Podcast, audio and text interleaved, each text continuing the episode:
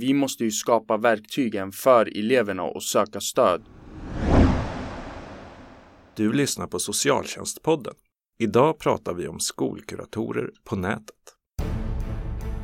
Vem är jag till för som socialarbetare? Står jag på den svaga sida? Står jag på maktens sida? Min kompis sa att om man snackar med SOS så tar de barnen. Att spara pengar till statskassan genom att utförsäkra en massa människor. Då biter man sig själv i svansen till slut. Och det är väldigt viktigt för Sverige att socionomer vill arbeta i socialtjänsten. De vill ha en socialtjänst där socialsekreterarna är stolta över sitt jobb. Hej och välkommen till Socialtjänstpodden. Podden för dig som är intresserad av socialt arbete och socialpolitik och som görs av Akademikerförbundet SSR. Dagens unga umgås till stor del digitalt. Vilka för och nackdelar, risker och möjligheter finns det när socialtjänsten eller elevhälsan ger sig ut på nätet för att möta upp barnen där?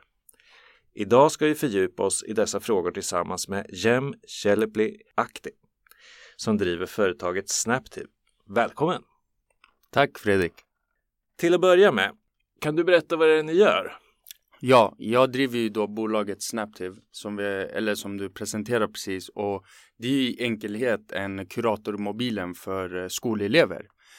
Eh, och det vi gör är att vi erbjuder digitala kuratorer till skolor eller en plattform till skolkuratorer så de kan bemöta sina elever via chatt och göra en innovativ kartläggning.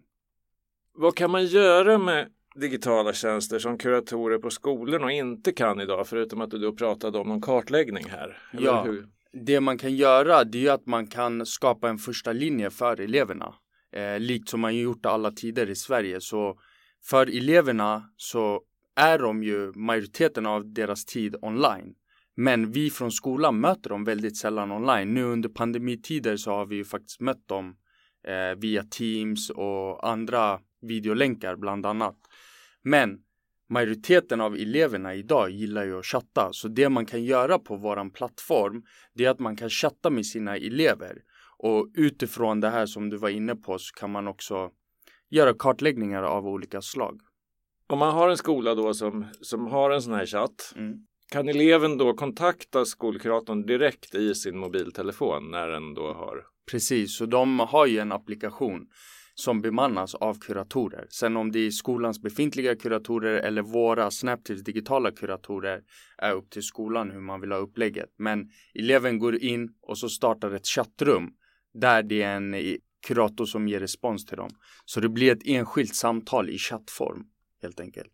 så det, det är dörren man knackar på hos, hos kuratorn. Det blir i telefonen istället då. Precis. Fast man behöver inte knacka. Du öppnar dörren och går in direkt. Mm. Det blir ett annat sätt att, att kontakta kuratorn på. Mm. Har det här någon betydelse för vem det är som kontaktar skolkuratorn?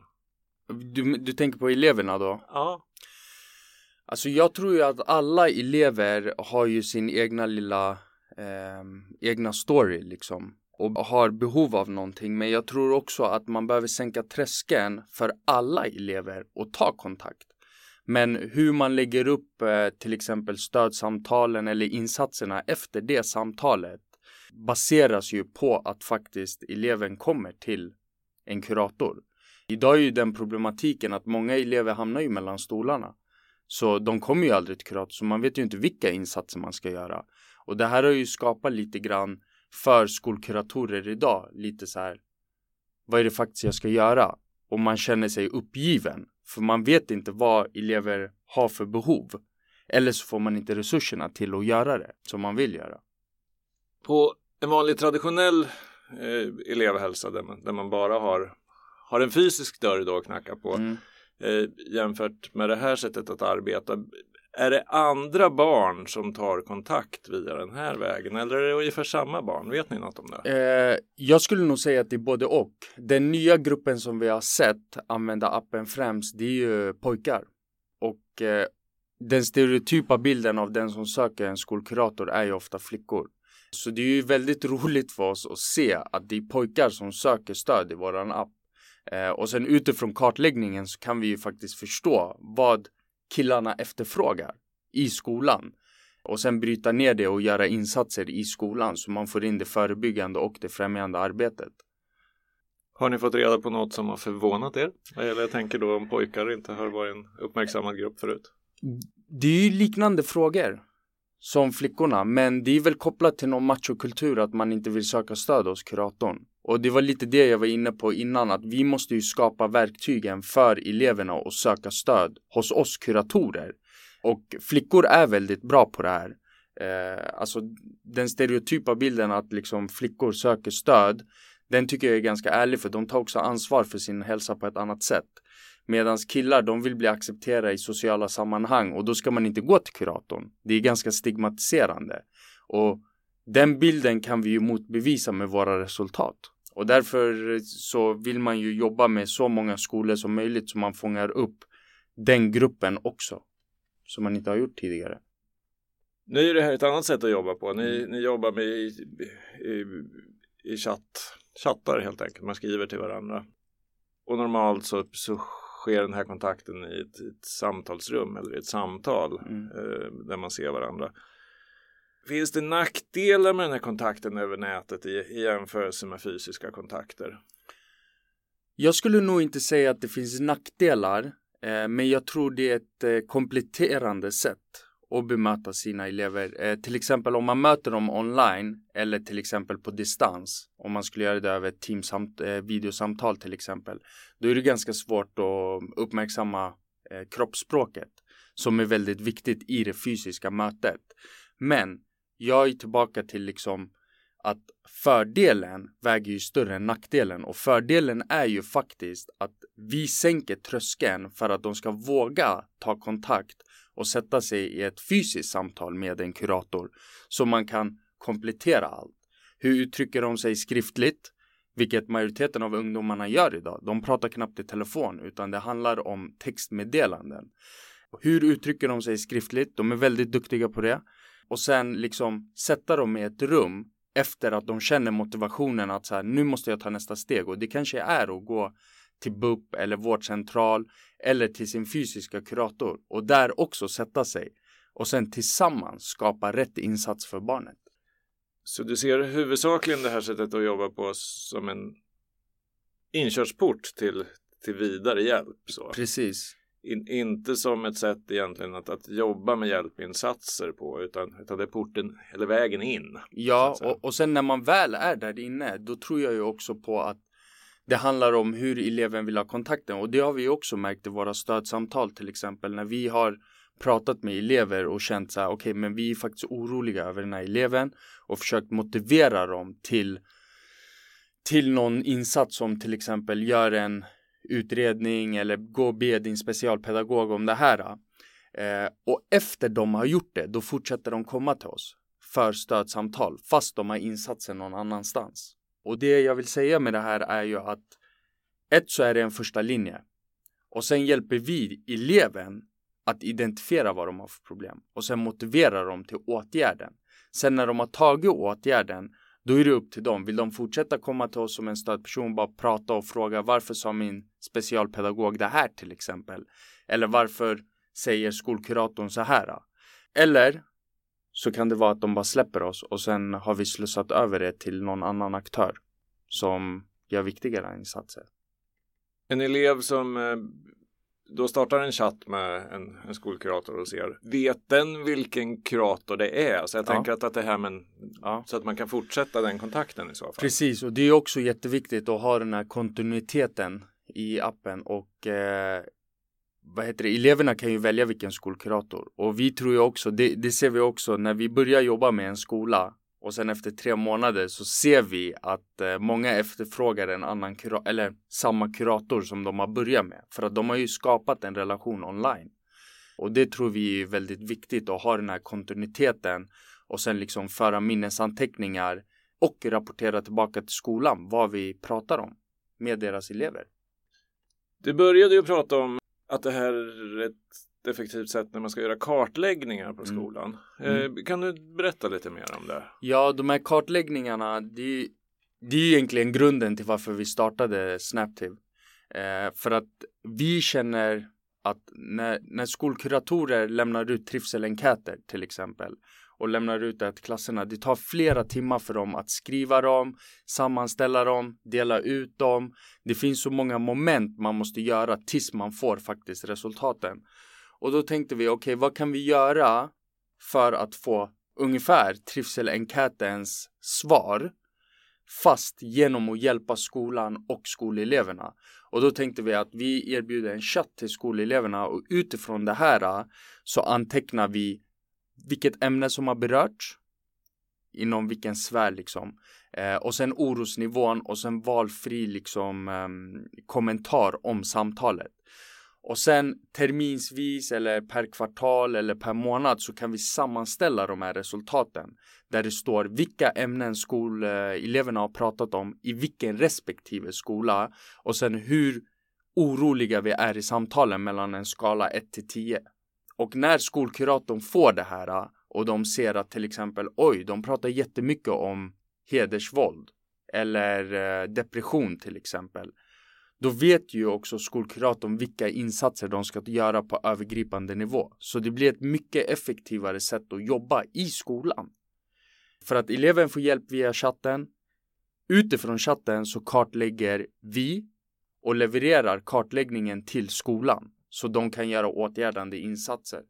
Du pratar om att, att man har en oroskala. Eh, om vi nu säger att man har en stor oro för en elev. Mm. Eh, när de chattar med er eller med skolkuratorerna genom den här appen. Mm.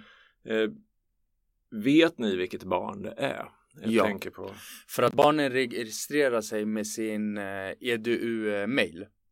Eh, och deras alias gentemot våran, våran kurator är anonym.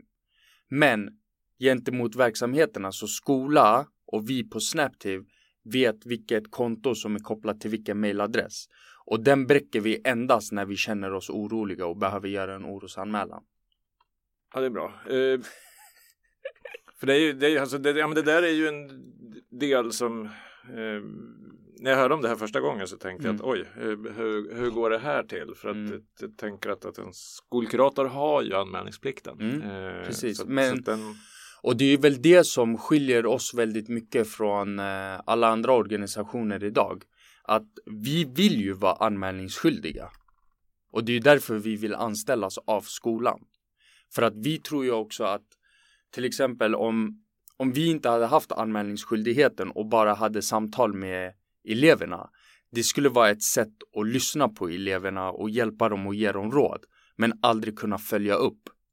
Medans när vi vet vem eleverna är, om vi till exempel gör en orosanmälan till skolan och säger så okej, okay, men vi är oroliga över den här eleven. Eh, vem ska ta ansvar för det? Är det vi som är snabbtidskuratorer eller är det skolkuratorn? Och om det nu skulle vara skolkuratorn, då kan vi ju också sen följa upp, ja, men hur gick det med X? till exempel. Och då vet vi att det har skapats någon skillnad förhoppningsvis. Eh, Medan om inte vi hade kunnat spåra vem eleven är då skulle det bara vara en digital spypåse nästan. Vilket också fyller en jättebra funktion i samhället. Jag tror alla behöver liksom kräkas någonstans. Det behöver väl alla ja. ibland, eller hur? Det här sättet att jobba täcker ju bara en, en del av, av, allt en skolkurator har i mm. uppgift att göra. Finns det en risk att, att ekonomiskt pressade rektorer ser den här typen av verksamhet som ni erbjuder som ett sätt att dra in kuratorstjänster helt enkelt i skolan? Eh, bra fråga och jag tror det ärliga svaret på det skulle nog vara att eh, vi är ju inte en eh, konkurrerande tjänst utan vi är ju en kompletterande. Och det är en sak som vi håller oss väldigt liksom eh, väldigt eh, nära vår vision att vi ska göra det här tillsammans. Vi tror på samverkan.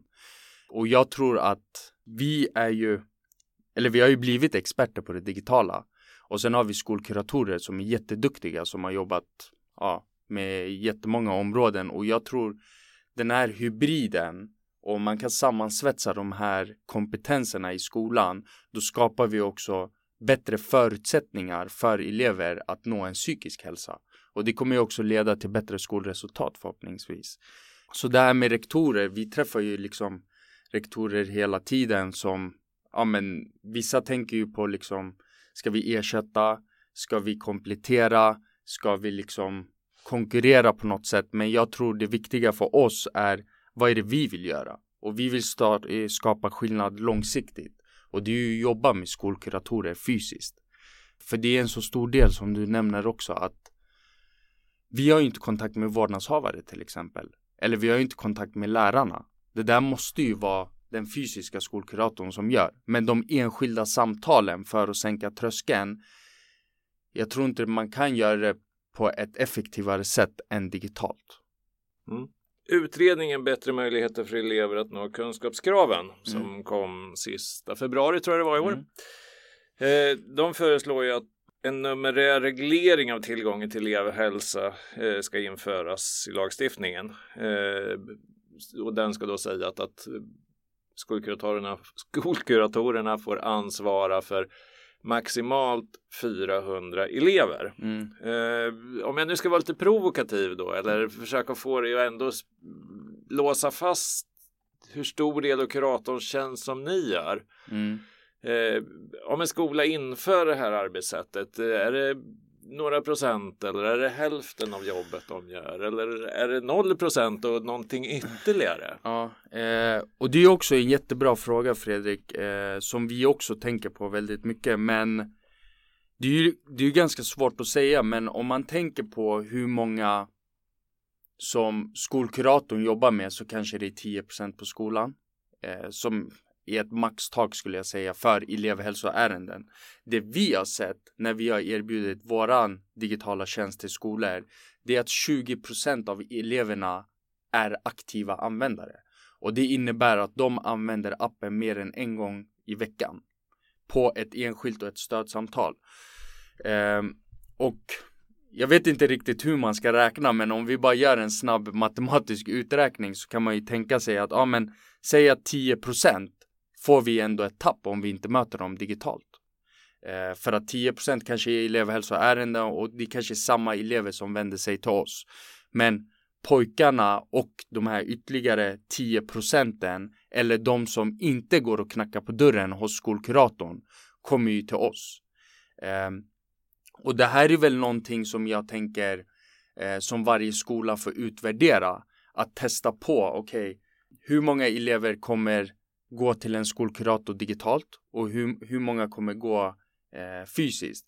Och det är ju därför vi är öppna också med att hela tiden säga att vi är öppna för både eh, pilotsamarbeten och samverkan med skolor för att vi ska utforska vad finns för behov i eran skola. Och det är ju här som vi skiljer oss väldigt mycket för att vi vill ju jobba systematiskt tillsammans med varje enskild skola. Se vad är det för ämnen som berörs hos era elever? Vilken tid på dygnet önskar era elever att vi är tillgängliga? Och det är, det är en sån här fråga som egentligen huvudmän måste ställa sig till. Eh, digitalt eller fysiskt. Eller en kombination av det här. Och jag tror, eftersom elever är digitala, eh, men jag tror fortfarande man behöver det fysiska, så tror jag det optimala skulle vara att eh, ha både digitalt och fysiskt för att skapa de rätta förutsättningarna för eleverna. Mm. Du säger att det blir ungefär dubbelt så många som på skolorna som har kontakt med, med elevhälsan genom eh, chattfunktionen. Mm. Genom vår chattfunktion. Ja. Ja. Eh, vet du om, om på de skolor ni, ni jobbar, vet, vet om antalet orosanmälningar till socialtjänsten har ökat där också på det sättet genom att, att man får kännedom om, om fler elever och deras problematik? Eh, nej, jag tror vi har gjort tre orosanmälningar hittills. Eh, och det är också på, vad blir det på våran period på, sen 2018 skulle jag säga. Eh, så det är inte så mycket och det är det som är så intressant med just Snaptive är att många som söker oss det är ju för lite mindre problem. Eh, men alla problem är ju stora beroende på liksom vart du befinner dig. Men det här med att känna sig nedstämd till exempel, det kanske inte är en orosanmälan, men man känner att man vill prata med någon. Men man skäms att gå och knacka på dörren hos skolkuratorn. Då måste det finnas ett enkelt sätt för dem att få det stödet. man kanske inte vill vända sig till sina föräldrar eller äldre syskon. Eh, man kanske inte har eh, anhöriga som kan hjälpa en och då tycker jag att skolan har en skyldighet att tillgängliggöra vuxna för dem.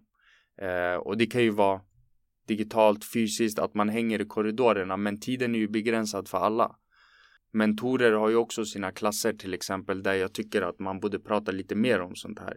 Men där måste man ju också prata om undervisningen och liksom skoluppgifterna. För det är ju också det skolans huvudsakliga uppdrag är ju att lära ut och följa skollagen. Men eh, jag tror också om man inte möter eleverna eh, för att skapa de bästa förutsättningarna för att de ska må bra, då kommer det bli svårt också att få bra skolresultat. Det låter som att, att ni har betydligt mycket mer kontakt med och slussa tillbaks dem till ordinarie elevhälsa än ni har att gå till socialtjänsten. Mm. Eh, och att, att det är mer det sättet ni jobbar på, stämmer det då? Alltså det, det, det, det stämmer inte. Eh, för att eh, vi kan ju ofta lösa problemen digitalt. För att ofta är det så, det, det har ju varit tre på, jag vet inte hur många vi har testat på eh, sen vi startade.